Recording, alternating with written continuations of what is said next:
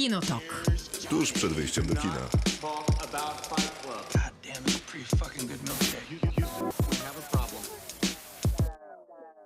Krzysztof Majewski. Miłosława Bożek. Maćka Stasierskiego nie ma. A właśnie tak ustalaliśmy, czy to nie jest pierwszy raz. Szczerze pozdrawiamy oczywiście Maćka, ale wydaje mi się, że to pierwszy raz, kiedy nie jest obecny Maciek. Dobry wieczór, to Kinotok. Maciek być może po raz pierwszy jest nieobecny, ale być może też po raz ostatni. E, Pozdrawiamy go serdecznie, zresztą połączy się z nami przed godziną 24, kiedy będziemy rozmawiać o Złotych Globach. Nagrody zostały przyznane. Najpierw dziwiliśmy się nominacją, teraz dziwić będziemy się tym, którzy Statuetki otrzymali. No dokładnie. Czasami globy trafiły dobrze, czasami nie trafiły w ogóle, czyli jak to złoto globy, a przede wszystkim kogo jeszcze te nagrody interesują poza Amerykańską Akademią Filmową, która zdecydowanie się tymi nagrodami inspiruje. Ponadto, jak zawsze, zaczynamy od W robocie. W robocie to cykl, w którym w piątki pytamy Was o jakiś temat filmowo-serialowy, a następnie prosimy o polecenie ulubionych filmów, produkcji, seriali, e, które ten temat realizują. Tym razem jest dosyć łatwo, tak mi się przynajmniej wydaje, bo to filmy komiksowe, a te przecież przez lata ostatnie święcą największe sukcesy, więc no, wybór tych filmów z ostatnich lat bardzo duży, no ale myślę, że od co najmniej czasów Blade'a, czyli od 2000 lat jest co w tym kinie wybierać. Później będziemy recenzować seriale, no bo w zeszłym tygodniu, w ubiegłym i jeszcze w ubiegłym tygodniu seriali nie mieliśmy, no bo po prostu nie było czego recenzować, bo seriale raczej słabe, albo masowe, albo No nie wydaje mi się, żeby tak dużo się zmieniło w tym tygodniu. No i tak myśleliśmy, że jest szansa na zmianę, ale okazało się, że może niekoniecznie. Rozmawiać będziemy o dwóch serialach. Po pierwsze, o plemionach Europy, głośnym serialu Netflixa, który przecież promował się tym słynnym zwrotem, że to od producentów Dark. No i jak tam daleko od tych producentów jesteśmy, no to możemy zobaczyć chociażby po tym, jak ten serial wygląda, więc o nim na pewno porozmawiamy, a później porozmawiamy jeszcze o produkcji To właśnie I to, to w robocie, ciek- bo to Tak. tak. naprawdę adaptacja komiksu, więc stąd nasze pytanie do Was o polecenia, a to Kajko i Kokosz, czyli tak naprawdę adaptacja jednej z no, bardziej kultowych powieści komiksowych, a, a tak naprawdę cyklu komiksów, które w Polsce były wydawane i myślę, że nie ma osoby, która w Polsce nie znałaby Kajko i Kokosza. I do tego jeszcze będziemy rozmawiać o filmach, które pojawiły się na platformie VOD Nowych Horyzontów. Taka platforma jest już dostępna w internecie, można oglądać nowohoryzontowe filmy, więc wybraliśmy sobie po docelowo trzy, ale tak naprawdę pewnie parę więcej, które uważamy, że warto by było zobaczyć, zapoznać się, wrócić do nich albo zwrócić na nie uwagę. Tych filmów na platformie jest ponad 200, więc żeby się nie pogubić, a też żeby być może zajrzeć, bo tam dużo dobrego kina to dlatego takie po trzy filmy wymyślamy. A będzie ich więcej niż po trzy, bo miały być po trzy, czyli dziewięć, ale jest nas dwójka, to sobie pofolgujemy trochę. Kinotok. Film.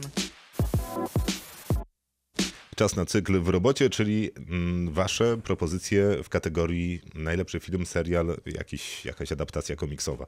W sumie mógłby być teatr nawet, biorąc pod uwagę, jak to słabo napisałem w piątek Mógł na być, naszym Facebooku. Mógł być, ale myślę, że wszyscy zrozumieli, że jednak e, zostajemy przy tematach filmowo-serialowych. Kino, Jesteśmy bardzo konsekwentni. Kinotok może być jakimś, jakąś sugestią. Zapraszamy na naszego Facebooka, Kinotok Podcast na Facebooku. Zapraszam też na Spotify, tam jest opcja subskrybowania, więc jeżeli jeden odcinek wam się spodoba, to jest szansa, że więcej też. To subskrypcja pomaga, bo jest to wtedy w jednym miejscu. Piotr pisze tak. Pewnie dla niektórych świętokradztwo, ale co tam? Jednak Watchmen Snydera po komiks sięgnąłem dopiero po obejrzeniu filmu i ujęło mnie, że wiele kadrów jest powtarzanych w mniej więcej konwencji jeden do jednego.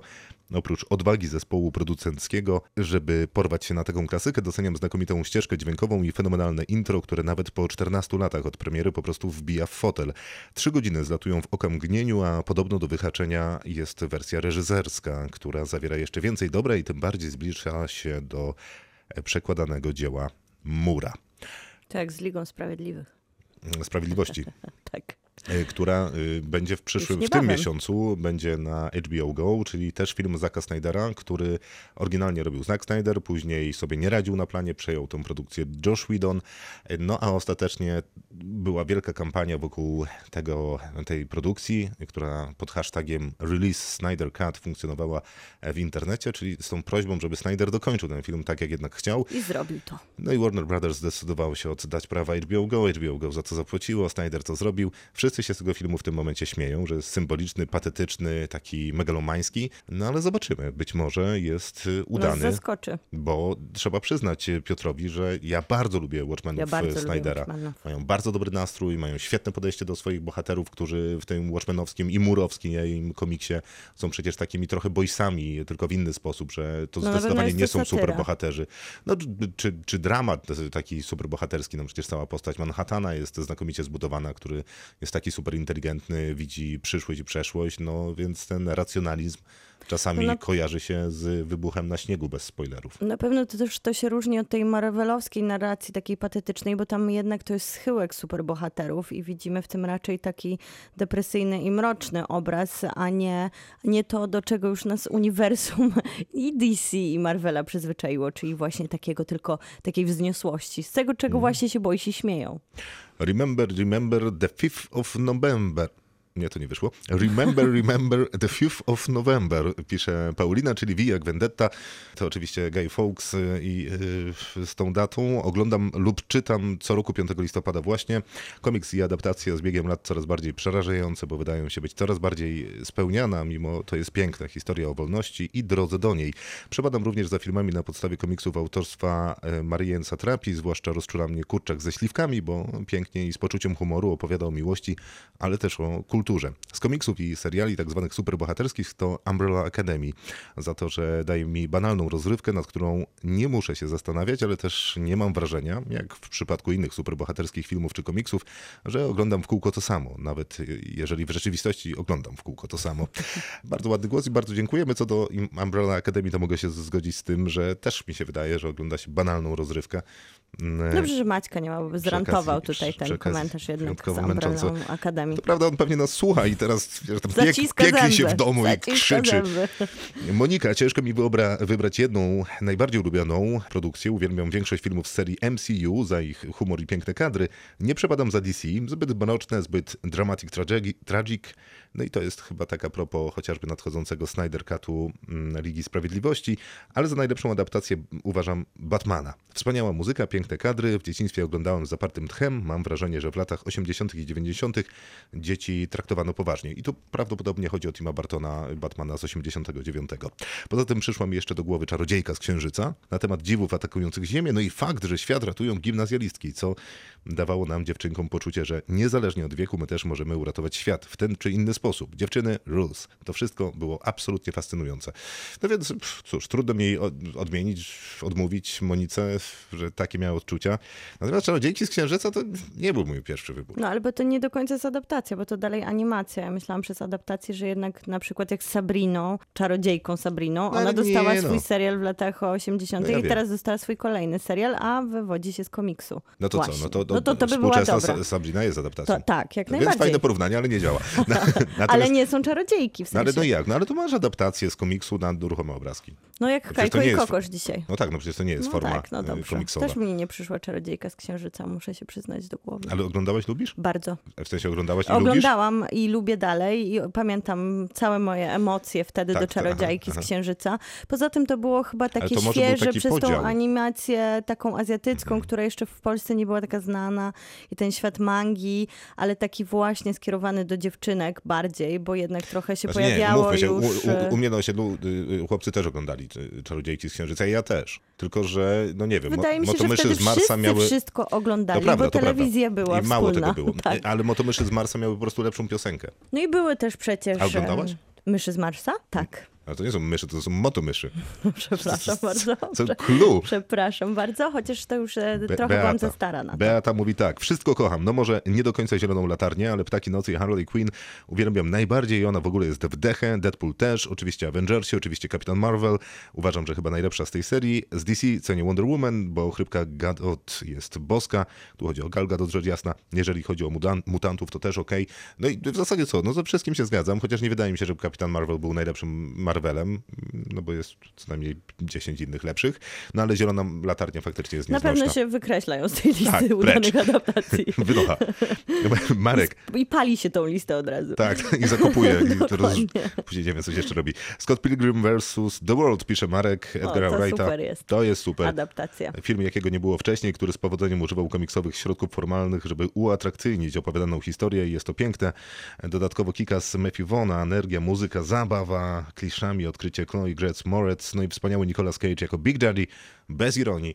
Wszystko prawda. E, Tylko przypominam, że była też druga część Kikasa, która była absolutnie nieakceptowalna, fatalna, nieznośna i do wyrzucenia Nie i absolutnego zapomnienia. więc cieszę się szczerze. No i słusznie. Kikas jeden za to, no przecież kawał filmu. Dominika.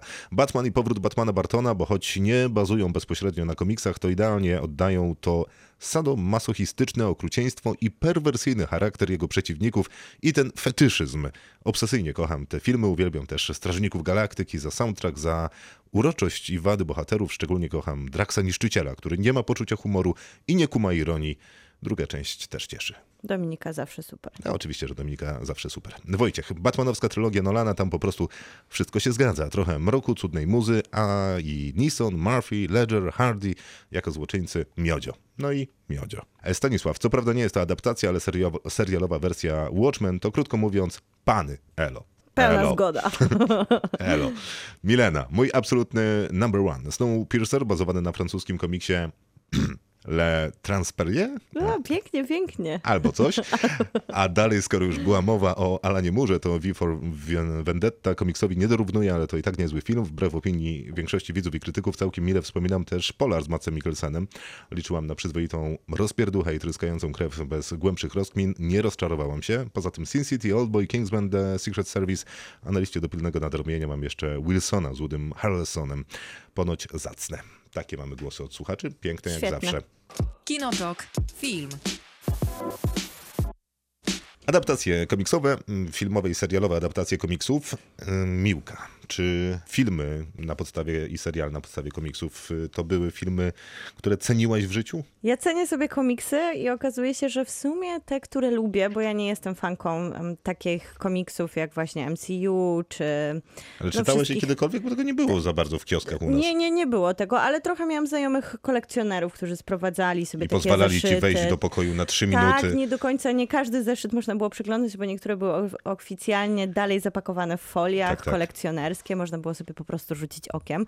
Ale tak, czytałam, czytałam. Hellboy chyba najwięcej też czytałam, jeżeli chodzi o takie zbliżone do tych superbohaterskich uniwersum, X-Menów trochę, ale to nie są moje ulubione komiksy i nagle się okazuje, jak dzisiaj zrobiłam e, research, że większość komiksów, które bardzo, bardzo lubię i nawet inspirowały mnie tak em, artystycznie, to są Wow, wow, komiksy, przepraszam, które znalazły... Co znaczy inspirowały mnie artystycznie? No niektóre grafiki na przykład e, ja bardzo lubię malować, niektóre grafiki wpływały później e, na moją drogę wyborów artystycznych. Na twój styl. Na mój styl, tak. Na, two, na twoje artystyczne ja. Na moją duszę. Rozumiem. Y, Co lubisz najbardziej malować? Nie, nie będziemy o tym teraz rozmawiać. Nie? Nie, Kiedy jest czas nie. na Ale możemy rozmowę? porozmawiać o tym, co mnie inspirowało i to był na przykład komiks Steve'a Nilesa i Bena Temple Smitha i nazywał się 30 dni nocy. Film w Polsce też niektórzy pisali 30 dni nocy, ale oficjalne tłumaczenie to było 30 dni mroku. Film może nie jest najlepszy, chociaż jest trochę ciekawy, bo sami mm, autorzy komiksu tak naprawdę zawsze chcieli zrobić film, ale żadna wytwórnia nie chciała się zgodzić na ich pomysł, więc przekuli go po prostu na zeszyty. Dosyć krótkie, bo tam jest tylko chyba dwa albo trzy zeszyty. Pomysł e, w ogóle był ciekawy, bo tak naprawdę reżyser, który wziął się za film, czyli David Slade, zrobił go w 2007, a później zrobił Twilight, więc dwie zupełnie odmienne sposoby na opowiedzenie historii o wampirach. Nie byłem taki pewny. No jednak, troszkę jed... trzeba przyznać, że 30 dni nocy to horror, a Twilight stara się jednak chodzić w szacie romansidła. I wampiry, pamiętajmy, świecą się i mienią i mają dosyć sporo miłości do Na czym oddania. polegał ten, pier- ten dialog głównej bohaterki? Jestem taką głupią owcą, a jestem chorym sadomasochistycznym lwem. Istnieje opcja, że w filmie 30 dni To nocy... jest autentyczny cytat Tak. z pierwszej części Zmierzchu. Tak. Po tym jak Jak on błyszczy w słońcu i ona rozumie, że jej serce popełnia błąd. On też to rozumie, więc oni się tak mocują ze swoją prawdziwą miłością. Jakim cudem ten film stał się jakimś hitem, posiadając tam No ja dalej taki będę bronić cytat. chemii między bohaterami. A tutaj Josh, Josh Hartnett, który w sumie, no, nie miał szczęścia, jeżeli chodzi o swoje castingowe wybory.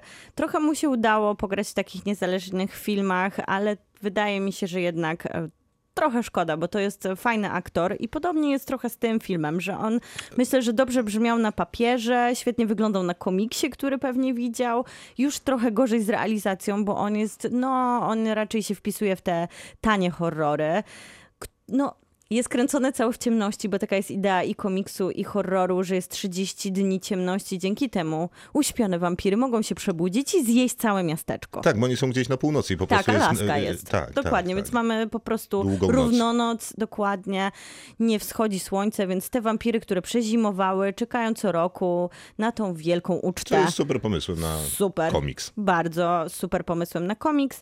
Troszkę trudniej to obronić w, w tam półtorej godziny faktycznie, no, No, bo ale jest to być może prosta. dzięki temu filmowi Lech Majewski namierzył Josha Hartneta, a później Josh Na Hartnett pewno to była ta był, droga. był nie dalej jak Bo on 3 był na kilometry od w nas. tym, Lech Majewski był na Alasce w tym miasteczku Tak, i tam zaraz tak. tablicę pamiątkową Że i tu grał dzięki Josh temu. Hartnett, tak było. Tak właśnie było. więc 30 dni nocy to twoja pierwsza propozycja, Tak, a druga? Wspomnę, wspomnę tylko szybko, bo o tym filmie tyle razy mówiłam, że nie będę o nim Że hej. opowiadać, ale Życie Adeli to wspaniały komiks Blue Angel, Nie, no francuskiego nie żartuj, na, tytułu naprawdę nie go powiem. widziałaś? Komiks? No. Czy czytałam? Wspaniały, piękny komiks to jest. Naprawdę? Naprawdę. Gdzie go znalazłaś? No, Można go oglądać na PDF-ie na internecie nawet. okej, okej. Więc e, to nie jest takie trudne, żeby go przyglądnąć, więc zapraszam. Tam właśnie ten kolor niebieski jest taki prosty sposób graficzny wykorzystany. To jest naprawdę bardzo wizualnie piękny, wzruszający komiks. Świetnie Abdela w Kashish poczuł jego emocjonalność i przeniósł ją na film. I tam ta erotyka się jest złotą też... palmą. Widziałem dzisiaj okładkę tego komiksu, czy tam wczoraj, jak się przygotowywałem y, i w ogóle byłem w szoku, że to jest y, adaptacja komiksu. Nic o tym nie wiedziałem, a film widziałem dwa razy. No właśnie, i, ba- i bardzo ona jest taka, naprawdę jest bardzo dużo powiązania, bo adaptacje potrafią być luźne, a pomiędzy tym komiksem a filmem Życie Adeli jest bardzo dużo wspólnego. Plagiat. Kolejną ciekawostką jest Oblivion. Niedobry film z Tomem Krusem i Olgą Kuroszenko, ale jest to film Józefa Kusińskiego, który najpierw stworzył komiks, którego teraz się już nigdzie nie da dostać i w ten sposób zdobył studio. On po prostu stworzył całą jakby taką planszę zapisaną w książce i studio w końcu wyłożyło, Radical Comics wydało mu tą księgę, a dzięki temu powstał film, więc e, to połączenie jest niezłe. I Ghost World, nie wiem czy pamiętasz e, Ja tylko taki... zaprzeczę, że Oblivion nie jest aż tak złym filmem. No nie, bo on jest wizualnie piękny, ale To tam prawda. jednak jest takie Jest na poziomie głupi. scenariusza się gubi dokładnie. No i tą wizualność widać, że ona powstała jeszcze wcześniej w głowie reżysera, właśnie na poziomie powieści graficznej. To jest takie ładne połączenie.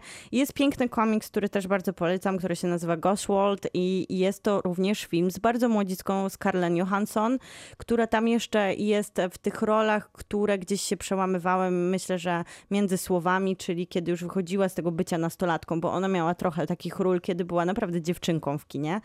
I to jest taka bardzo czuła opowieść i w komiksie, i w filmie o przyjaźni takich dwóch outsiderek, Tora Birch, Scarlett Johansson i Steve Buscemi, który jest takim ich najpierw e, sarkastycznym przyjacielem, którego wyśmiewają, później trochę osią rozłąki dla tych przyjaciółek, które wchodzą w dorosłość. Bardzo piękny komiks, bardzo fajna adaptacja. Barbarella, czyli mój nikt, e, nick z internetu jeszcze ze starych czasów, to też jest świetna adaptacja komiksu erotycznego. To, I tak się Jane wszystko... Fondą, Tak, i w latach... dopiero co dała świetną mowę na Złotych Globach. I Duran Słuchaj, Duran, którym... Przej, przejmuję głos na Dobra. chwilę, bo muszę jeszcze zmieścić parę swoich propozycji, a widzę, że szukałaś jakichś takich niepopularnych typów, nieoczywistych w Ja ogóle, że takie to adaptacja czytałam. komiksowa. Nie no, ja rozumiem. Ja chciałbym powiedzieć, że kiedyś czytałem komiks Old Boya, ale niestety nawet nie wiedziałem, że, że można go gdzieś dostać w Polsce i sprawdzałem, czy się da i chyba się nie da, bo Ale też można go zobaczyć na, momencie... na PDF, PDF-ach. Tak, tak, pewnie można. Natomiast to jest na pewno film, który warto sobie odświeżyć, ale to tak teraz na szybko, ale z filmów, które bym polecał, to Dread z 2012 roku i to nie, nie mylić z żadnym Super. innym. To jest Pete Travis, y, a w Dreada wciela się Karol Urban. I to jest niezła rzecz. I to, To naprawdę taka niezła niezła rzecz. rzecz. Bo to jest bardzo konsekwentnie, konsekwentne wizualnie. To jest w ogóle niedrogi film, co być może widać, ale to też w niczym nie Ale to się przeszkadza. broni tą jedną lokacją. I ta lokacja, czyli taki wielgachny budynek, w którym się dzieje no, taka wilcza część y, akcji, no jest naprawdę dobry, bo tworzy taki nastrój faktycznie miasta z przeszłości, które już dwa razy upadło i przypadkiem jeden budynek się jeszcze podniósł, ale generalnie ten budynek, który się podniósł jest najgorszym albo najlepszym symbolem upadku tego miejsca, w którym jest świat, a ten sędzia Dredd, który faktycznie nie tylko jest policjantem, ale jednocześnie sędzią, bo wyrok wydaje na miejscu, co jest jakże komiksowym, dobrym dowcipem. Dokładnie tak się zachowuje. Jest trochę jak dread, który nieźle rymuje się z polskim słowem trap, bo tak się mniej więcej Karl Urban w tej roli zachowuje. To jest bardzo dobra rzecz. I to jest niedługie, ma mnóstwo adrenaliny, ma mnóstwo takiej przemocy, która jest wzięta oczywiście w nawias, ale też dobrze e, pokazuje świat, który nam twórcy chcieli pokazać. Faceci w czerni. To, że nikt nie wymienił facetów z czerni z naszych słuchaczy, było dla mnie jednym z większych Ale zdziwień. naprawdę czytałeś komiksy? Tak, ale A, ja czytałem te komiksy, które wyszły dopiero po tym, jak pokazał się pierwszy film, czyli lat temu ze 20, czyli dalej byłem młodym człowiekiem. E, I tych komiksów nie, do, nie wiem, czy w ogóle dotarło dużo do Polski, ale dotarło No parę właśnie, w moje mi się, ręce. że było ich niewiele w Polsce. I mam do dzisiaj dwa. I mam je nawet w takim ciepłym wspomnieniu, to nawet się to przyjemnie oglądało, zwłaszcza, że twarze tych bohaterów zostały przeniesione z filmu, więc jest tam e, Will Smith głównym bohaterem przez większą część tych komiksów, które przynajmniej ja mam. No a sam film jest absolutnie kultowy, rewelacyjny, jakże komiksowy. Zresztą całe to ta siedziba facetów w czerni, schowana gdzieś w podziemiach jakiejś starej elektrowni, e, no to jest dokładnie to, z czym mi się świat komiksowy kojarzy. Ale takim y, głośnym filmem, który lubię bardzo i jest adaptacją komiksową, to jest Hellboy 2, pod warunkiem, że jest to Złota Armia. I ta Złota Armia jest przecudowna, głównie dlatego, że buduje świat, który jest po prostu wyjęty z baśni. Tam jest taka scena y, ukrytym targu. I ten ukryty targ wygląda jak moje wyobrażenie ukrytego targu z y, Nila Gaimana Nigdzie Bądź i to jest ukryty targ, którego Harry Potter powinien zazdrościć Hellboyowi, bo gdyby tak wyglądała ulica Pokątna, to Harry Potter byłby w zupełnie innym miejscu i nie wspominalibyśmy tylko Więźnia Azkabanu jako takiego filmu spełnionego artystycznie, też komercyjnie, ale by, być może wspominalibyśmy go jako coś więcej w zwierzęta ogóle. chyba mają bliżej do Hellboya. Właśnie są taką wybuchanym światem No wyobraźni. tak, no to Hellboy, to Hellboy jest tak daleko od tych nowych Harry, Harry Potterów, czyli zwierząt, fantastycznych zwierząt, jak je znaleźć, że już bardziej się chyba nie da. Więc Hellboy absolutnie przepiękny. A moment, w którym pełna. umiera ten taki jeden z ostatnich entów na świecie, o, tylko być. I jeszcze jest adaptacja komiksu, którego na oczy nie widziałem i nawet nie wiedziałem, że to jest adaptacja komiksu, ale jako, że jest to jeszcze wspomnę. To jest Wanted z Jamesem McAvoyem, Angeliną Jolie, Morganem Freemanem. Też dzisiaj widziałam w zestawieniach różnych To jest- zagranicznych. To jest dobry film na piątek. Taki, że wraca się z pracy o 21 i ma się ochotę tylko przewrócić i Myślę, patrzeć na coś, co, coś tam dzieje. taki- Trzeba go szybko, ciągle szybko go wertować. jadą tak I, na podkrę- I podkręcają te kule. To wcale. Wanted wcale nie jest takim filmem złym, jakby się wydawało. A jakbym serialowo jest, nie miał jest. wspomnieć, to zawsze... To Legion. No właśnie, to, To Legion. To Legion, zwłaszcza pierwszy sezon. No i Watchmenów, no ale to chyba wspominaliśmy w tym programie tyle razy, I myślę, że że jeszcze super jest e, serial, który został wstrzymany z produkcją, ale też super, żeby się odnieść do faktycznego komiksu. To, jest, to nie jest ok na Netflixie. Bardzo krótka formuła. Podobnie jak komiks ma tylko dwa zeszyty. Kinotok. Film. No to już jest, chociaż tak naprawdę nie ma. Kajko i Kokosz na Netflixie, pięć odcinków po około 10-12 minut czeka. 13 chyba wszystkie, nie? Nie. Nie, no jeden ma 11, no co za różnica. Dobrze. No niewiele minut, łącznie mają około godziny. Do obejrzenia są na Netflixie, ale jest ich tylko pięć. Natomiast będzie jeszcze pięć. Nie, jest ich w sumie 26. Nie, no ja wiem, ale że jest pięć, później będzie jeszcze y, pięć czy dziesięć, a później reszta. Tak, bardzo dziwny sposób na wydanie tych wszystkich odcinków. 26 w sumie. Koniec roku ta kolejna połowa, która nie wiadomo w jakiej liczbie nam zostanie dostarczona i dopiero 2022, kiedy Kajko i Kokosz w ten pierwszym 26-odcinkowym sezonie się zamkną. No właśnie, to zanim zaczniemy rozmawiać o samym serialu serialu, to To jest dosyć interesujące, czemu Netflix decyduje się na taką formę dystrybucji, no bo można było poczekać pewnie jeszcze 4 miesiące i, i, i wydać jakby 10 chociaż. I teraz jest pytanie, czy to przypadkiem nie jest kazus Lupina? Czy, przy, czy oni przypadkiem nie sprawdzają rynku przy niektórych produkcjach? No bo jest zapowiedziane to 26 odcinków, ale też Netflix nie ma problemu najmniejszego z ucinaniem głów. Takich No to, to zupełnie, nawet jeżeli jest Nie, spore no to- fanostwo, odcina je jak gra o tron je odcinała. Szokująco Tak było, łatwo. tak było z Sense8 przecież. Tak było tak z długo Sense8. widzowie prosili Netflixa, żeby zrobił jakiś chociaż kończący film, że w że końcu się dostał, złamał. y, Christmas special No ale, dwie to, godziny, no ale to tyle. A dwugodzinny. ja generalnie z perspektywy widza, no nie obrażam się na to, że ktoś ściąga serial, który jest y, jakby niedochodowy, nieopłacalny z jakichś tam biznesowych powodów, no ale trochę się obrażam, y, że jestem taką otwartą grupą testową. W zasadzie, co No ale? Netflix trochę się już nie wstydzi tego, że jest trochę takim jednym wielkim algorytmem. Dobrze, ale ja mu to wytykam i go kuję palcem w takim wypadku. Ja się dziwię, bo wydaje mi się, że tutaj jednak przydałoby się dostarczyć przynajmniej 10 epizodów. I wtedy podzielony na przykład, albo 12, podzielony taki sezon 24-26 odcinkowy na pół miałby sens. No oczywiście, Poza tym że to tak. 5 odcinków, jeżeli ta formuła jest 13 minut, to jest trochę za mało, żeby wczuć się w to No uniwersum. To jest pięć odcinków, to nawet jeżeli z, dzie z dzieckiem chcemy obejrzeć te odcinki, codziennie o 19 jeden, tak jak Dobranockę, no bo to tak by było akurat 11, tam 13, 15 minut, no to, ma, to, to co, wystarczy mi na tydzień bez właśnie, weekendu? No no trochę właśnie, bieda. to jest- Janusz Christa to oczywiście autor Kajko i Kokosza. Przy okazji zaznaczamy, że Kajko i Kokosz to komiks, który w- został wydany przed Asterixem, natomiast y, nie da się ukryć, że Janusz Christa ściągał z Asterixa na potęgę. Zresztą wielokrotnie mu zarzucano to, że coś wyjątkowo podobne te, nawet nie postaci, no bo to postaci wymyślił on jako pierwszy, ale że te Wątki. przygody jakoś takie jeden do jednego prawie, że Więc wszyscy, którzy teraz zarzucają animacji, że jest e, zbyt zbliżona treścią do Asterixa i Obelixa, to już było. To W nie sensie jesteście to, pierwsi. To już jest konflikt od dawna, Możecie który ma nawet go swoją kartę w historii, więc można sporo o tym poczytać na internecie, jak właśnie było sporo zarzutów o ten no, plagiat momentami. Nie, no trudno powiedzieć, że to plagiat, wiesz, DC i Marvel ciągali od siebie na potęgę, no jak jeden zrobił Batmana, to drugi nagle miał Nightcrawlera, jak jeden zrobił Ironmana, to drugi miał tego z Ligi Sprawiedliwości Cyber Człowieka, no więc no, taka No jest za- sztuka, kto to- nie ściąga, ten ginie. To prawda, ale to jakoś e, w miarę dobrze zadziałało na te dwie kompanie komiksowe, które rywalizują. Nawet filmowo to dobrze zadziałało. A tutaj mi na przykład nie przeszkadzają te podobieństwa. Nie przeszkadzały mi w komiksie, nie przeszkadzają mi w animacji. No, mnie trochę przeszkadzały, bo czasami są doprowadzone do absurdu, że ta historia jest w zasadzie taka sama. Jako, że czytałem i Asterixa i Kajko i Kokosza, do Kajko i Kokosza dosyć długo się przekonywałem, bo czytałem go chyba już za późno, żeby się jakby zakochać, tak jak zakochałem się w Asterixie. No i kiedy tam całkiem niedawno czytałem tego Asterixa, mając go na świeżo i czy- czytasz Kajko i Kokosza, to naprawdę masz takie trochę wrażenie, że czytasz to samo, tylko jakby inny rysownik to stworzył. Natomiast co do zasady, jakoś nigdy nie były te komiksy aż tak blisko siebie, bo to są naprawdę pojedyncze historie, które są tak brutalnie przekopiowane. No ale one się też chyba estetycznie mocno różnią od siebie, prawda? I Tak. ten, no i mamy jednak tutaj w Kajko i Kokoszu ten nasz folklor, z, który, z którego można być dumnym, zwłaszcza jeżeli to jest eksportowy towar na Netflixie, który załóżmy, że zobaczy teraz więcej ludzi niż tylko Polacy. To jest tam taki, taki niuans, który można by powiedzieć, że prosto bije ze słowiańskiego serca.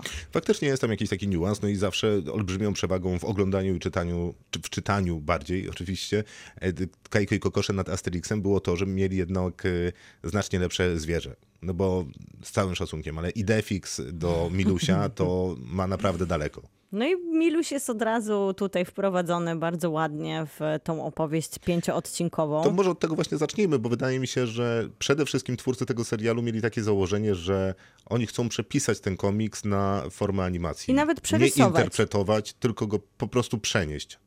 I wydaje mi się, że to jest takie bezpieczne założenie, bo na pewno tutaj w ogóle w większości wywiadów twórcy mówią, że najbardziej, najbardziej, czego najbardziej się obawiają, to polskiego widza. No i wiadomo, jest to polska produkcja, mam najbliżej, żeby atakować, oceniać, wartościować i być dumnym w końcu może, mniej lub bardziej, ale wydaje mi się, że właśnie najtrudniej zadowolić fanów, więc najbezpieczniej wybrać tą drogę, która Premiera, jest kopią. premiera tak w Chinach. która jest kopią, a z drugiej strony strony trochę też to rozumiem, bo jednak ryzykowne byłoby przekładanie tego na nowy język estetyczny, a Hajko i Kokosz są zbudowani na bardzo charakterystycznej kresce i przeniesienie tego trochę tak jeden do jednego wydaje mi się na, naprawdę takim trafnym wyborem. No tak, tylko że to faktycznie jest trafny wybór, biorąc pod uwagę, że Jarosław Boberek między innymi jest w obsadzie dubbingu. Mówię Jarosław Boberek, bo to w zasadzie mówi wszystko, jeżeli chodzi o dubbing, jeżeli jesteśmy w Polsce, ale jest tam też sporo dobrych głosów dubbingowych, no powiedzmy nie tak bardzo rozpoznawalnych jak Jarosław Boberek, który chyba jest takim jedynym najbardziej Mhm. rozpoznawalnym Nie, Agata. Kulesza myślę, że jeszcze jest do No rozpoznania. tak, ale nie, jasne, tylko że nie jest jednoznacznie kojarzona z No dubbingiem, o to mi chodzi. I to nie siedzi trochę, bo faktycznie przenieśli komiks, tylko przeniesiony komiks, który się rusza, sam z siebie nie zacznie działać. Sam fakt, że tych animowanych fragmentów tej animacji jest mało, bo rusza się głównie pierwszy plan, czyli od dwóch do czterech postaci, bo tyle z reguły się w kadrze mieści. Przez jakiś czas liczyłem, później się zmęczyłem. No tło jest nieruchome raczej. Tam czasami się przesuwają drzewa albo płyną chmury, więc y, tam po prostu w tym kadrze mało się dzieje, więc trudno y, jakby zatrzymać wzrok na tych kadrach. I z reguły wtedy można y, trochę przykuć uchem y, tego widza do kadrów, natomiast tu też to nie do końca działa, bo jeżeli, jeżeli chodzi o dubbing, to moim zdaniem to jest bardzo dobry dubbing. Natomiast jeżeli chodzi o sound design, to jest to bardzo średni sound design i on nie brzmi dobrze, a poza tym jest go za mało. Tam nie ma tła, tam nie ma takiej dźwiękowej opowieści. I to nie jest tak, że w animacjach po prostu jej się nie robi, bo może nie robiło się 40 lat temu, jak trzeba było ciąć żyletką y, taśmę i ją kleić. Teraz po prostu można zrobić. Dosyć proste, można sobie ćwierkającego ptaszka dorzucić, jak są w lesie i jest już trochę lepiej. To z tym ja nie mam problemu. Trochę ten casting jednak dubbingowy mi się gryzie, zwłaszcza e, jeżeli chodzi o Kajko. Tutaj co, jakby cała budowa bohatera, jego fizis nie odpowiada mi tembr głosu, który on dostaje. Jest taki Bo, ten, bo ten Kajko też trochę inaczej wygląda. Nie wiem, czy zauważyłeś. Bo ten, troszkę inaczej wygląda, no. No bo ten komiksowy jest taki krępy. To widać, że to jest wuj, woj jednak y, waleczny, a tutaj jest takim trochę, no takim I podobnie jest e, i Kajko i Kokosz. I Kajko i Kokosz mają taką troszkę, mm, tam się, t- tam się najwięcej mi gryzie, bo wiadomo, Boberek jest super, Kulesza jest super i takie głosy też wydaje mi się związane już e, albo z tym, że są rozpoznawalne przez tembr głosu, który mnie przyzwyczaił, albo przez e, no takie świetne aktorstwo, które za tym idzie. A te główni bohaterowie mają dla mnie coś takiego, co wydawa- wydaje mi się, że gdyby mieli bardziej może charakterny głos, bardziej w jakiś sposób nadający ich postaciom życia, bo tak jak mówisz, ta animacja nie jest aż tak żywa, więc ona potrzebuje jakiegoś elementu, no może tak jak mówisz, ptaków w tle ja bym chciała trochę więcej od bohatera głosu, który jednak tej animacji takiej trochę teatralnej na zasadzie kukiełkowej potrzebuje takiego aktorskiego dodania. I to jest jedno. A jest jeszcze taka kwestia, że mimo, że te historyjki są dosyć proste, w sensie te historie, krótka historia z morałem, to dalej działa, no bo tam faktycznie jest niewiele tej historii, bo 10-12 minutowa, więc też tam Ale jakby są tam morały nie jakieś? jest super skomplikowana. No jakieś tam takie trochę do, Ja do właśnie, powiedzenia. ja właśnie nie widzę tych morałów. Może- Może jest problem z tym, że ja nie czytałam dużo komiksów i komiksy miały też jakąś taką formułę bezmorałową. Znaczy, to jest no, taka anegdotyczna historia. No, pewnie nie każda ma morał. Teraz nie, nie jestem sobie w stanie przypomnieć, na pewno wszystkie miały. Ale nie w tym rzecz. Mam takie wrażenie, że w tym scenariuszu jest trochę za dużo słowa. W sensie, że tam się w pewnym momencie strasznie klepie gębą. A chciałbyś bardziej akcją? Trochę bardziej y, kadrem, bo jednak jak popatrzysz sobie na kartę komiksu, taką całą stronę Mhm. i zobaczysz ile jest w tych dymkach w Asterixie czy w Kajko i Kokoszu, moim zdaniem jest mniej słowa jeszcze niż w Asterixie, no to tam z reguły na każdej kratce masz y, no jeden dymek i po jednym zdaniu, czasami po jednym słowie. A tu mam wrażenie, że te dymki to by nam się nie zmieściły w tych kadrach, bo tyle by było tego tekstu. Więc to A też... za to mnie zdziwiło, że Kajko i Kokosz praktycznie nie było widać akcji, kiedy się biją. To chyba dopiero czwarty odcinek, kiedy my widzimy faktycznie ich nie w jakiejś em, chmurce, nie za krzakiem, kiedy widać, że jest bum i taran i już jest po bójce, tylko jest faktyczne jakieś takie zawiązanie akcji. No, ale tak też było w komiksie. A, rozumiem, To bo ja byłam problem. na przykład Znaczy, było i tym, tak, i że, tak, ale często... że ten- jednak nie, nie widzę tych wojaków. Tak, no ale ten sk- skrót jest częsty właśnie, że hej, Rzymianie, następny No kadr jest narysować- górka łatwiej Rzymian, czy narysować w tym wypadku krzyżaków. Dymek Tak, tak, tak. bijących się mężczyzn. No więc pięć odcinków to, to jest 60 minut oglądania, to na pewno warto zobaczyć. Prawdopodobnie prawdopodobnie wrócimy sobie jeszcze na sam koniec za, w 2022, jak ten serial się skończy i sobie jeszcze o nim porozmawiamy. Na razie to tyle. Ale ja, ja nie jestem... wiem, czy w ogóle będziemy go oceniać. Nie, chyba nie, bo to pięć Nie, odcinków nie. to jest za mało naprawdę. Z 26 to nawet dokładnie, nie bo jest jedna gdyby było, czwarta, Gdyby jedna to było piąta. 8 odcinków albo 10, to można by już było wy, wymyślić coś, ale wydaje mi się, że to jest naprawdę dobry towar eksportowy. W sensie, oglądając to, pomyślałam sobie, że z perspektywy tego, co zrobił Netflix poza Wiedźminem, który został tak świetnie przyjęty, to naprawdę Kajko i Kokosz mogą się spodobać za granicą. Ja bym nie, nie upierał się przy tej tezie, bo wydaje mi się, że tego kontekstu takiego folkowego, czy takiego bardzo właściwego dla nas, przez to chociażby, to jest bardzo podobne dla Asterixa też, nie, nie ja go do końca tam nie widzę. On jest dla mnie zrozumiały, w sensie jest dla mnie zrozumiały jako mieszkańca tej części świata, ale nie wydaje mi się, żeby było to takie oczywiste dla kogokolwiek innego, że to akurat jest z tej okolicy, nie, że z Polski w ogóle, że po prostu ze wschodniej czy centralnej Europy. Kinotok. Serial.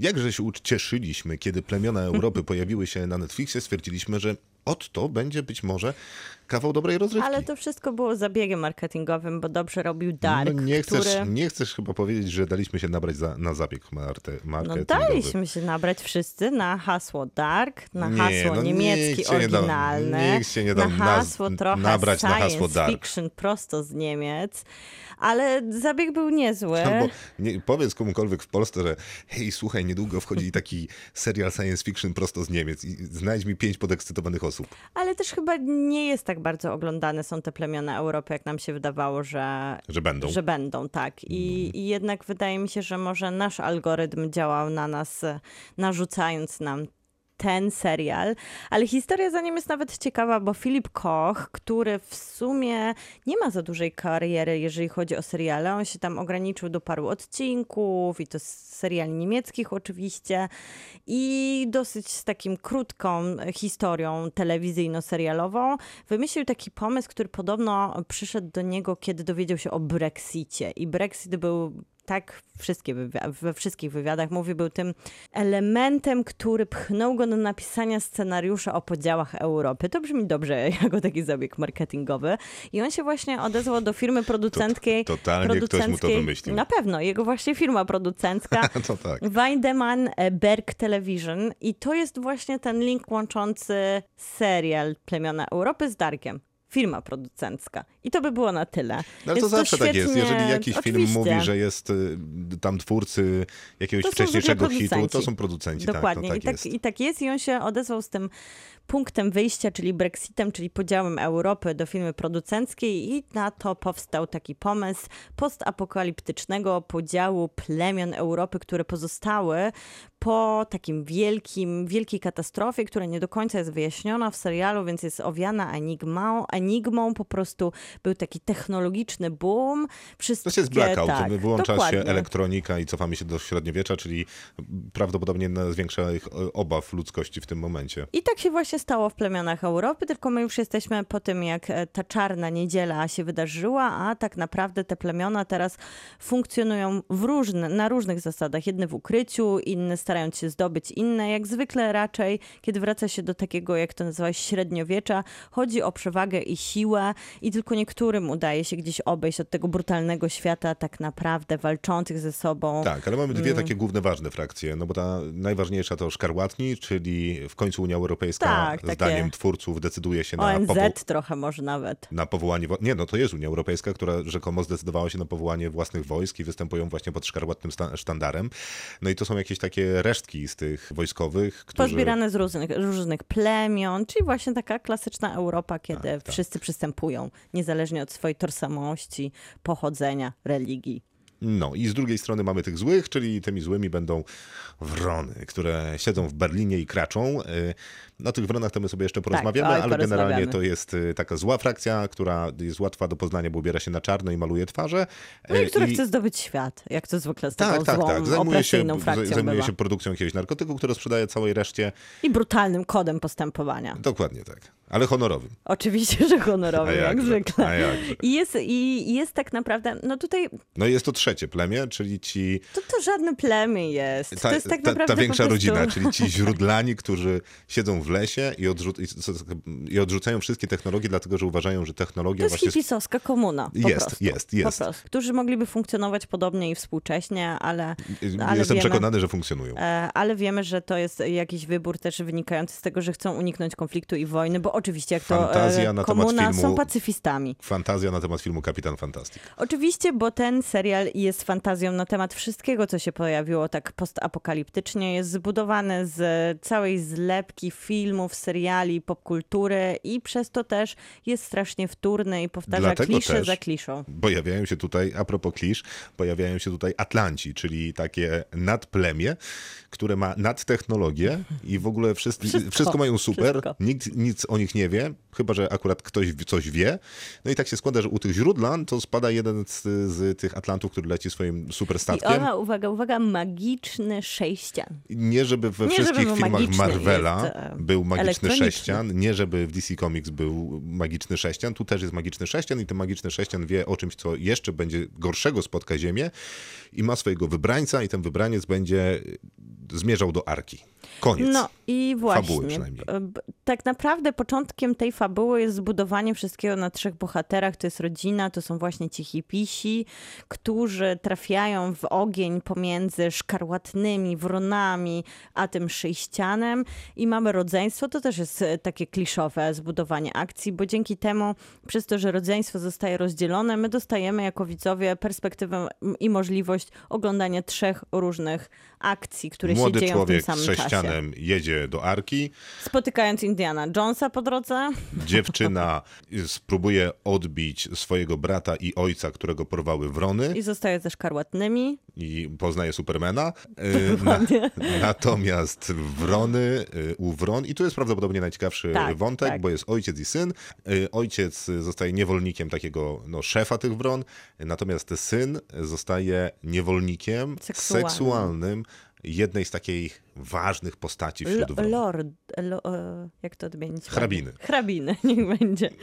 I tak, i dzięki temu dostajemy trzy perspektywy, oglądamy trzy różne lokacje, które się raczej nie zmieniają, chociaż faktycznie trochę mamy kina drogi w tym odpowiedniku tego młodego chłopaka, który stara się ten sześcian dostarczyć do Arki. On się trochę przemieszcza, ale to też jest taka, widać, że tutaj jest ograniczony budżet, więc to przemieszczanie jest raczej takim, taką bardziej opowieścią i narracją o kinie drogi niż faktycznym kinem drogi. No, nie no, jadą samochodem. No jadą samochody, Mam, zmieniają mam też wrażenie, miejsca, że przyjeżdżają do po różnych... kamieniołomie, ale Ale faktycznie odwiedzają pewne miejsca, żeby rozgryźć tajemnicę sześcianu. Tak jest. Seksualny niewolnik tymczasem zdecydował się na to, że jednak będzie seksualnym niewolnikiem i będzie najlepszy w tym, co robi, a to będzie jego sposób na awans y, w tej, w tej, w tej społeczności wron, a dzięki temu awansowi uwolni ojca i będzie mógł uciec stamtąd.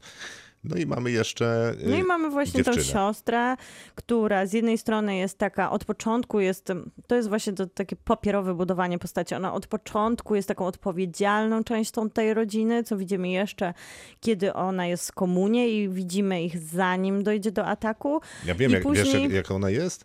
Jak Łucja z. Trochę jest jak Łucja. Opowieści z Narni. Dziękuję. I jak Katniss z... No i teraz ty mi pomóż.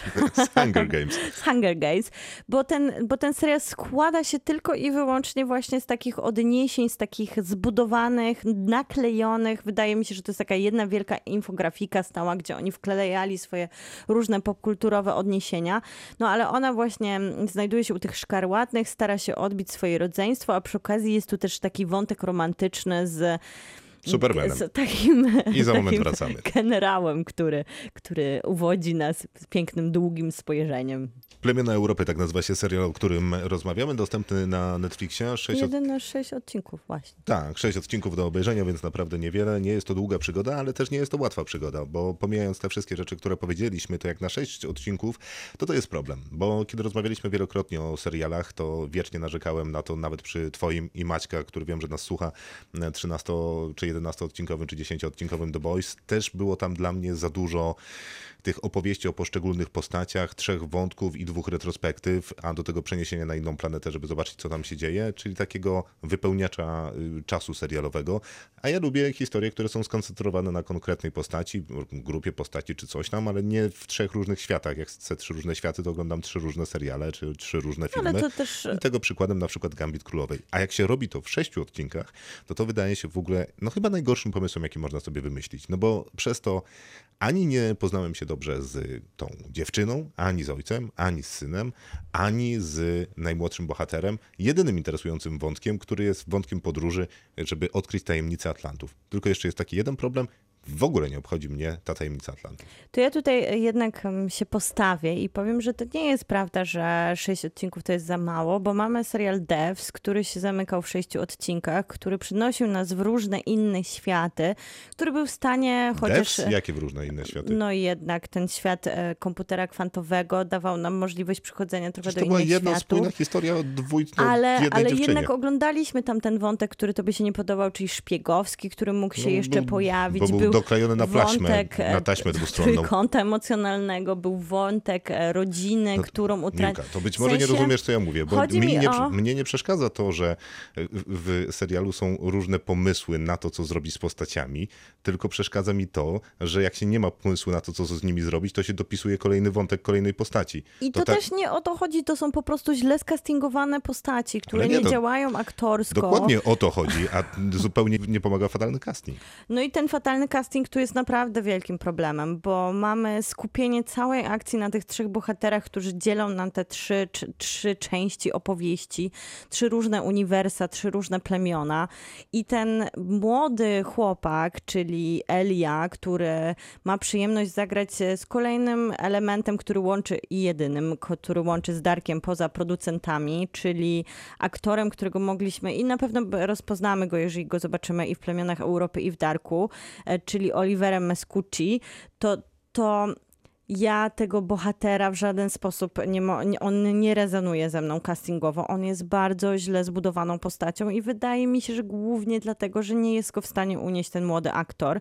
A z drugiej strony później jest Oliver Mascucci, który jest świetnym aktorem, a ma kuriozalnie napisaną postać, którą on się stara wybronić. To jest jeszcze gorsze, bo jest 2021 rok, nie da się obronić postaci Indiana Jonesa. No po prostu to nie działa jeszcze w y, konwencji science fiction. Facet ma No. wąsik taki ala y, hiszpański konkwista- konkwistador y, i uśmiecha się jak Wołodyjowski. No przecież to jest niepoważne. Kraina Lovecrafta nam pokazała, że można się pobawić ideą e, Indiana Jonesa uwspółcześnioną, tylko trzeba to zrobić Tak, z pomysłem, jakoś świeżo. Nikt tych postaci nie ubierał Tak, jak Indiana Jonesa. I nie robi się tego tak łopatologicznie, a to jest kolejny element co do ubrania, to, te, to wszystko jest jeszcze zanurzone w kuriozalnych kostiumach, które no jednak jeżeli nie było budżetu, to można było to sprowadzić. Poza tym mamy seriale, które opowiadają dokładnie tę samą narrację, czyli mamy The Hundred, e, taki serial, który do dziś oglądamy kolejne odcinki, bo to jest serial prawdziwy, kablówkowy, ale,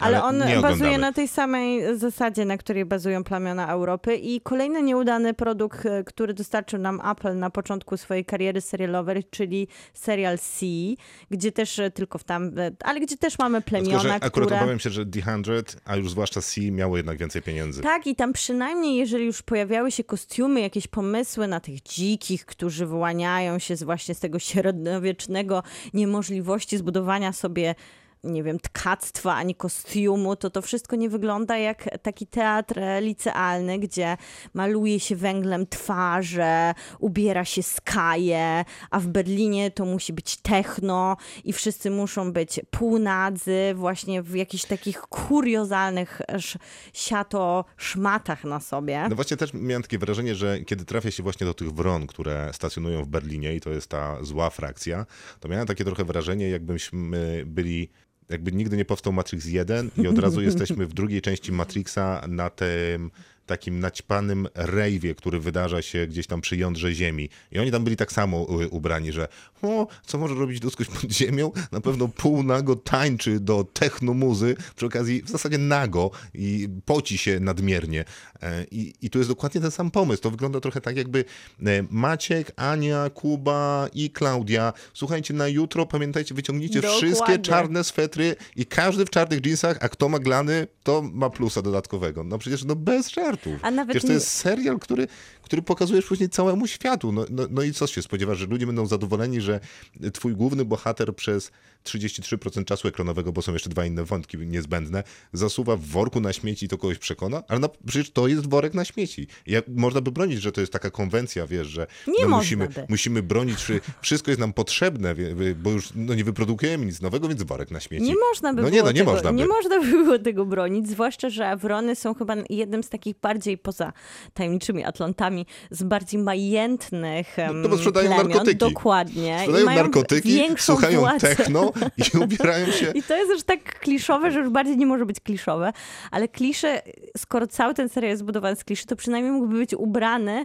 lepiej, bo klisze nam dawały jakieś wyznaczniki i skoro już podglądali te wszystkie inne produkcje, to wiedzieli, że nie można ludzi przebierać jak na licealnym teatrze i dlatego jedyni, którzy się bo- bronią, to są szkarłatni, bo oni chodzą po prostu chodzą w mundurach. w mundurach. Ale takich zwykłych mundurach. I tam to jakoś, e, jakoś sobie radzi, a z drugiej strony tam tak eksplorowana jest na wszystkie możliwe i eksploatowana przez to lokacja, którą nam, która jest naprawdę udana, ale nie, nie musimy jej oglądać po raz setny. Ten blaszak, w którym siedzą, Tak. jest przebitka z drona co w zasadzie 4,5 I to jest minuty. nieznośne. Jest, To jest ale za to u Wron, to też im trzeba oddać, że liczba tych lokacji w tym tam niby upadłym Berlinie, no jest ich trochę One są ciekawe nawet. i są fajne. Tak, bo są monumentalne, bo pokazują nam te Niemcy takie troszkę opustoszałe No, ale no, i z nie- takiej perspektywy Trochę, właśnie totalitarnej. Ale, z, Ale zawsze ale może ci Niemcy, się zepsuć człowiek w A który wyskakuje z ale, pomalowaną ale to jest na taka, czarną Ale to jest taka sama klisza, że jak Niemcy i y, to pokazujemy tutaj betonowe, monumentalne budynki i to jest, y, no wiecie, no Niemcy, no, no totalitaryzm po prostu y, zewsząd, no i te totalitarne wrony teraz dokładnie tak samo działają. Natomiast tam jest parę fajnych lokacji, które nie są betonowe, a poza tym jest ich dużo, no więc tam chociaż jakąś pracę oddali. Są tu też efekty specjalne. Co prawda jest ich niewiele po pierwszym odcinku, w którym jest ich całkiem sporo. Jest nawet całkiem niezła bitwa y, zaaranżowana pomiędzy dwoma plemionami i to z jakimś takim rozmachem. Widać tam jakąś taką sprawność, y, no, taką rzemieślniczą, że, Tak. że to nie wygląda sztucznie. Jak się biją, to się biją, czuć jakąś stawkę. Wszystko tam wygląda całkiem sympatycznie. Leci jakiś statek, ktoś go zestrzelił.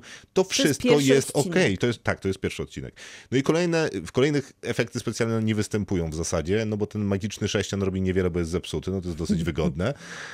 No i tyle. A, a Tak, reszta... bo nikt inny nie ma żadnych e, elementów, które miałyby odpowiadać jakimś efektom Tak, specjalnym. no więc to wszystko trudno, nie? Że można zrobić serial mając mało pieniędzy i jest to serial science fiction, bo można zrobić kino science fiction, które będzie się odbywało w tym studiu, a po prostu ktoś z bohaterów powie, że świat się skończył i na zewnątrz biegają same Godzilla. No i, no i trudno, no biegają. Zrobimy No ale Dark jedną przecież zrobił niezły serial science fiction na poziomie pierwszego sezonu, gdzie jeszcze Ale to nie... jest sprytny serial, no bo on No, w ale- zasadzie nie ma takich jakichś No bardzo tak. science fiction elementów do pokazania, ale no to jest właśnie najlepszy dowód na to, że można, ale można też zrobić taki serial, tak jak mówisz, że no po prostu nie trzeba kazać ludziom przynosić własnych czarnych ubrań na plan, no tylko dać im jakiś kostium, który jest przemyślany. No ale jeszcze, gdyby dać im jakiś kostium, to trzeba by było ich w miarę dobrze skastingować, żebyśmy mogli mieć jakiekolwiek odczucia do bohaterów, którzy nas prowadzą, bo pamiętajmy, że to są młodzi bohaterowie, których my przemianę obserwujemy na ekranie, czyli klasyczny coming of age. Chciał, chciałbym, żeby tam była jakaś I przemiana nie i to ma jest żadnej przemiany i żadnemu nie kibicujemy i żaden nie budzi naszych emocji. Może jeszcze ten Kia,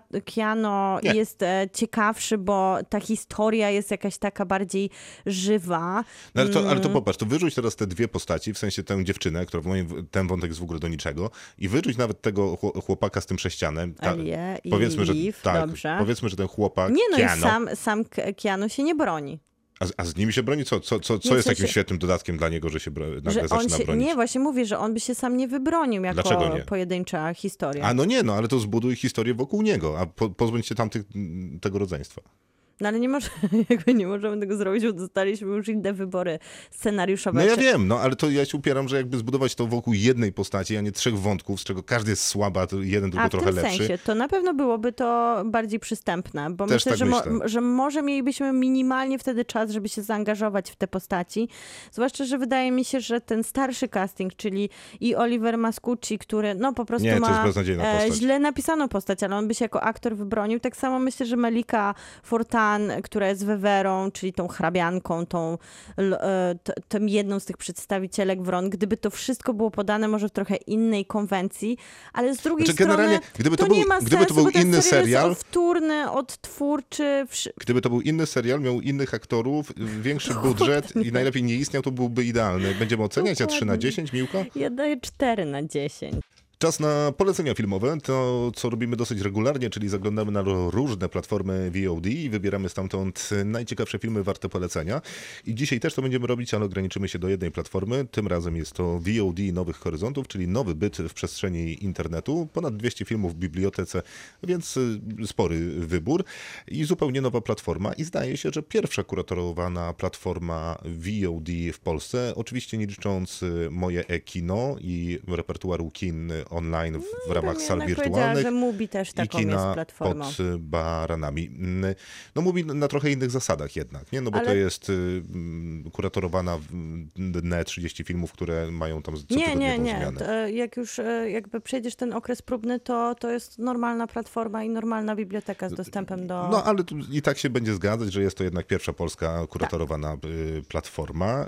Co to znaczy? No znaczy, że mm, to zestaw ludzi, selekcjonerów Nowych Horyzontów, który tam od lat jeździ na festiwale i wybiera filmy, no to wybrali te filmy, które uważali, że są z różnych powodów najciekawsze z ostatnich lat, z tych, które, do których mieli prawo, dostęp albo możliwość zdobycia tych praw i umieścili na platformie. No i rozmawiałem z ekipą Nowych Horyzontów, pytając ich tak trochę pod włos, czy nie wybrali tych filmów, y, wszystkich tych filmów, do których po prostu mieli dostęp i wrzucili je i mówią, że to jest kuratorowane, no i zdecydowanie zaprzeczają, mówią, że to jest faktyczny wybór, że decydowano się na ten albo tamten film, bo ten lub tamten dobry. No i przejrzałem tę ofertę VOD Nowych Horyzontów. I tam faktycznie brakuje takich filmów, które mm, zdają się tam pełnić rolę zapchaj dziury. To prawda, chociaż no oczywiście wiadomo, że nie jest to bezczelny algorytm Netflixa i w pewnym sensie też można zaufać tej ekipie, która od lat naprawdę przygotowuje dobre festiwale i szuka tych mm, filmów na wszystkich festiwalach i szuka też konkretnie pod dobór widza, a z drugiej strony faktycznie widać tu taką pracę w oddzieleniu tego bardzo takiego artystycznego, artystycznej twarzy Nowych Horyzontów, czyli tego, co otrzymujemy festiwalowo, czasami filmów bardzo długich, czasami bardzo wymagających od widza. Tutaj niewiele A- mamy takich też- tytułów przytłaczających, No, ale też tam są, bo są- szczerze. E, Są zwycięzcy konkursu Oczywiście, Horyzonty, który jest nieco oczywiście. bardziej wymagający. Jest no chociażby film Touch Me Not, który przecież e, polaryzował e, opinię wśród widzów dwa lata temu na festiwalu. Więc takie filmy też są, e, ale Oczywiście, oczywiście ale- w proporcji pewnej. Dokładnie. Jeżeli, jeżeli myślimy o nowych horyzontach, to tutaj naprawdę jest zachowana pewna równowaga zdrowego rozsądku, jeżeli o, chodzi o te tytuły, które możemy zobaczyć na własnych ekranach w domu, a nie w kinie, które też daje nam dużo więcej przestrzeni do wyrozumiałości i cierpliwości do takich trudniejszych tytułów. Tak jest. To co, jeden za jeden, ty pierwsza? E, dobrze, jeden za jeden, ja pierwsza i to jest na pewno Dał Natasza. Po pierwsze dlatego, że jest to film, którego nie możemy zobaczyć nigdzie indziej niż na platformie i poza platformą, która jest faktycznie oryginalną platformą Dał Natasza, bo Dał to projekt, który mm, funkcjonuje w internecie i możemy każdy z tych 13 filmów wypozy- ale Nowe Horyzonty ich VOD daje nam możliwość zobaczenia tego z polskimi napisami co na pewno jest e, ważne dla wielu widzów. I, I jest to film, który zrobił wielkie wrażenie na widzach e, zeszłorocznej edycji Nowych Horyzontów. W sumie pierwsza z tych kilkunastu części takiego monumentalnego dzieła, które powstawało przez, no, przez kilka lat, gdzie ludzie zostali zamknięci i to wolontariusze, często nie aktorzy, zamknięci w takim ośrodku, który odbudowywał to, co się działo w czasie stalinowskiej, w, Stali, za władzy Stalina w Rosji, gdzie naukowcy przygotowywali różne tajemnicze projekty. I tutaj faktycznie to było podglądaniem ludzi w ich naturalnych warunkach, ci wolontariusze, aktorzy, ale faktycznie często też naukowcy wchodzili w pewne role i od, odwzorowywali życie z tamtego ośrodka. I tutaj oglądamy to 140 minut, czyli dosyć długi film, ale tak niesamowicie angażujący przez coś, czego w kinie bardzo rzadko można doświadczyć, czyli takiego autentyczności, która wydawałoby się, że nie mogłaby powstać w relacji kamery i tych aktorów, nie aktorów, gdyby to nie był proces wieloletni i gdyby ta kamera chyba nie stała się częścią ich rzeczywistości. Na przykład Natasza, myślę, że była w ośrodku chyba z tego co pamiętam 4 lata, gdzie ten film był montowany przez różne sytuacje, które ona tam doświadczała, czyli główna bohaterka. No i coś, to jest coś piorunującego zobaczyć na ekranie tak blisko życia, które jest jednak wykreowane, bo nie jest życiem w normalnych warunkach, ale już tak wpisane w funkcjonowanie tych ludzi, że widzimy bardzo realistyczne obrazy. To jest bardzo trudne, poruszające i zostające na zawsze z nami kino. No to ja mam kino, które z pewnością nie zostaje na zawsze, ale jest y, solidną y, propozycją. Trochę raczej z nogi American Film Festivalu, zresztą ten film na tym festiwalu był e, pokazywany, nazywa się Siostra Twojej Siostry. No i super. Reżyserki Lynn Shelton, która zresztą dosyć nieoczekiwanie zdaje się zmarła bodajże dwa lata temu. W rolach głównych Mark Dupla i Emily Blunt. Y, bardzo dobre połączenie i w zasadzie no to jeżeli jeszcze mielibyśmy... Rosemary the Weed, bo to taki trójkąt trochę, nie? Trochę tak. I gdybyśmy mieli to jakoś klasyfikować, no to pewnie powiedzielibyśmy, że to jest jakaś tam komedia romantyczna, tylko też y, nie tych pierwszych y, jakościowych schodów, jakie oferuje, nie wiem, e, mm, nie wiem, coś kiepskiego, e, kiedy myślimy sobie o komedii romantycznej. Nie jest, nie jest to romką. Nie jest to romką, ale to nie jest też Bridget Jones, bo pewnie Bridget Jones y, lubi wiele osób. Nie jest to Bridget, Bridget To, to nie Jones. jest film do tego, żeby zrobić sobie kubek ciepłego kakao z marshmallows, tylko to jest film, który obejrzymy z pewną przyjemnością i raczej bez poczucia żenady, który oczywiście bywa miłe w filmach, ale tutaj go po prostu nie ma i nie występuje. Mark Dupla to jest człowiek, który zrobił bardzo dużo niezależnych filmów, jako zrobił nawet serial, jako aktor, producent, scenarzysta, reżyser, więc on przeszedł przez wszystkie możliwe etapy. Lynn Shelton była częstą gościnią oczywiście filmową nowych y, American Film Festivalu, y, a Emily Blunt, y, zanim została no, absolutną gwiazdą Hollywoodu, no to występowała chociażby w takim filmie i to jest jedna z jej pierwszych ról, zresztą bardzo udana, a ta chemia, o której mówiłaś jeszcze dzisiaj, chociażby przy okazji mm, Twilightu. zmierzchu, to u nich tam po prostu się wylewa. No, można zbierać z ekranu i później sprzedawać gdzieś jako brakuje ci chemii w związku, weź trochę tego, który jest pomiędzy Emily Blunt i Markiem Duplan. Bardzo dobra rzecz, y, dużo śmiechu, uśmiechu, radości, sama przyjemność obejrzeć I to też film. jest jeden z tych niewielu filmów takich faktycznie udanych, które są trochę teatralne, czyli dzieją się w jednej lokacji i jednak opierają się głównie na dialogu, na dobrych rolach, na takim, takiej intymności zbudowanym przez te kreacje, które się kleją. Tak, tylko jeżeli teatralność wychodzi. traktowalibyśmy pejoratywnie, to tutaj ten, ten negatywny efekt teatralności nie występuje. No co tam u ciebie? No to tutaj jest niezłe zderzenie z Markiem Dupla i bo wspomniałeś o jego serialu, on się nazywał Bliskość i mhm. ja mam e, tytuł taki sam, czyli bliskość, ale zupełnie inny rodzaj bliskości, bo u Dupla to była miękka i przyjemna i obyczajowa bliskość, a to debiut Katimira Balagowa, którego jeszcze drugi film też zobaczymy na platformie, czyli Wysoka Dziewczyna, a to jest jego pierwszy film z 2017 roku, który też festiwalowo wstrząsnął publicznością.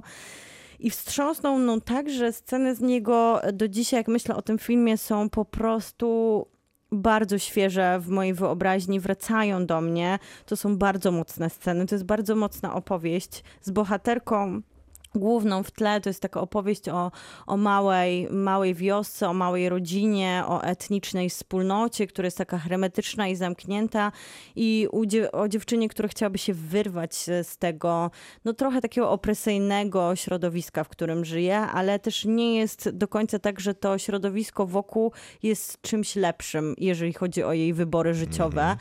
Więc jest to taki Poza tym jest tu też takie odbicie tego, co Amerykanie teraz kochają w swoich serialach i filmach, tej perspektywy rek, retro, tego powrotu do lat 90., 80. Tutaj Balagow też opowiada o perspektywie lat 80. i 90. z perspektywy Rosji i to jest zupełnie inny język e, filmowy, zupełnie inny rodzaj sentymentu, zupełnie bliższy też do naszej narracji, tego jak ja pamiętam tamte lata. Niesamowity, wstrząsający debiut i też nie najlżejszy. Kantemir Bałagow zresztą, kiedy zobaczą Państwo lub zdecydują się zobaczyć Wysoką Dziewczynę, to ktoś kiedyś napisał y, na jakiejś grupie o tym filmie, że to jest bardzo rosyjski film, bo tylko Rosjanie w tak wyrafinowany sposób potrafią torturować duszę i y, absolutnie się z tym zgadzam i ta recenzja Wysokiej Dziewczyny w ogóle spełnia wszystkie standardy. Jest to bardzo torturujący duszę film, ale naprawdę znakomity. Y, a druga propozycja ode mnie to Winni Gustafa Mullera. Film zupełnie y, zaskakujący, bo prawie że gatunkowy, czyli niekoniecznie coś, co bym kojarzył z Nowymi Horyzontami, bo to w zasadzie jest thriller. Opowiada o funkcjonariuszu policji, który odbiera niepokojący telefon. Ten telefon okazuje się być na tyle niepokojący. On oczywiście pracuje w takim 112, e, jak dzwonisz na numer ratunkowy po prostu i stara się uratować e, dziewczynę, która ma e, problem. On w międzyczasie został jeszcze jakby przeniesiony na tę słuchawkę, ponieważ pracował w terenie jako tam sprawny detektyw, ale ma proces o nadużyciu uprawnień i stara się pomóc dziewczynie tylko i wyłącznie przez y, telefon, więc cały czas siedzimy z nim w tym y, pokoju i tyle. E, a gwarantuję, że napięcie jest tam tyle, że można by... Pocą się ręce cały tak, czas. Tak, tak, tak. Bardzo dobra rzecz. Naprawdę super sprawa. Widni Gustawa Müllera też dostępni na oczywiście VOD Nowych Horyzontów i Miłka numer 3 i Nasza finalny. młodsza siostra to, to już Po to tym jak siostra twojej siostry.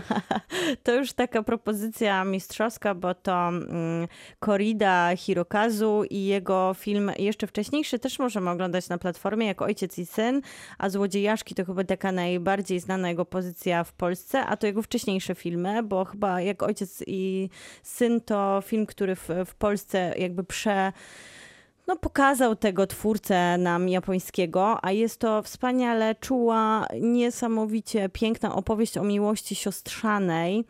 Jest to w ogóle idealnie wpisujący się w nasz temat dzisiejszej adaptacji komiksów. Jest to adaptacja powieści graficznej.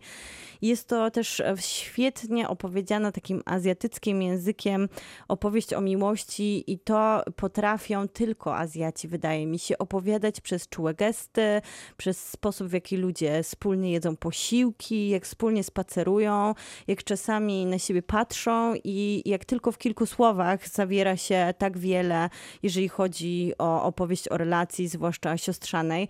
Takie naprawdę wzruszające, bliskie kino, które wydaje mi się, że można oglądać całą rodziną i, i każdego utuli przed snem, więc po tych wszystkich dramatach, które Koreda po, po, po, potrafi takie rzeczy robić, to prawda. wcześniej, to to jest naprawdę przyjemne kino. E, to ja na koniec Duke of Burgundy, reguły pożądania o, Petera Stricklanda. Petera Stricklanda to w zasadzie polecam w całości, więc jeżeli Dokładnie. gdzieś by było Sound Barbarian Studio dostępne, to też e, koniecznie proszę obejrzeć. E, a tymczasem w międzyczasie pojawił się już jego nowy film, który nazywa się Fabric, ale z tego co sprawdzałem, to jest niedostępny w Polsce. Ale może będzie właśnie na platformie Nowych Horyzontów, Myślę, że to będzie dobre miejsce znalazł. do sprawdzenia. Duke of Burgundy to z kolei jest e, lesbijska relacja BDSM zamknięta w kostiumie, więc no ciekawy bardzo pomysł, ale jakże jednocześnie czuły, jednocześnie drapieżny, jednocześnie pełen pożądania, jednocześnie pełen namiętności, więc zderzone takie dosyć skrajne postawy w, zamknięte w kostiumie i przy okazji w przepięknej willi gdzieś w miejscu, w którym jest naprawdę ładnie chciałoby się tam być. tak, E, więc wszystko się tam zgadza i jest wielka szafa do zamykania się w niej, ale kto tak naprawdę ma władzę nad kim, to jest pytanie, na które łatwiej będzie odpowiedzieć po seansie tego filmu. Kawał dobrego kina, wszystko od Petera Stricklanda, jak na razie co widziałem, działa świetnie, więc i ten film e, nie zawodzi. To nasze propozycje na VOD Nowych Horyzontów oczywiście w podcaście będzie łatwiej się odnaleźć, bo też dorzucimy listę. To wszystko na dzisiaj w Kinotoku. Krzysztof Majewski. Miłosława Bożek. Maciej Stasierski, dobranoc.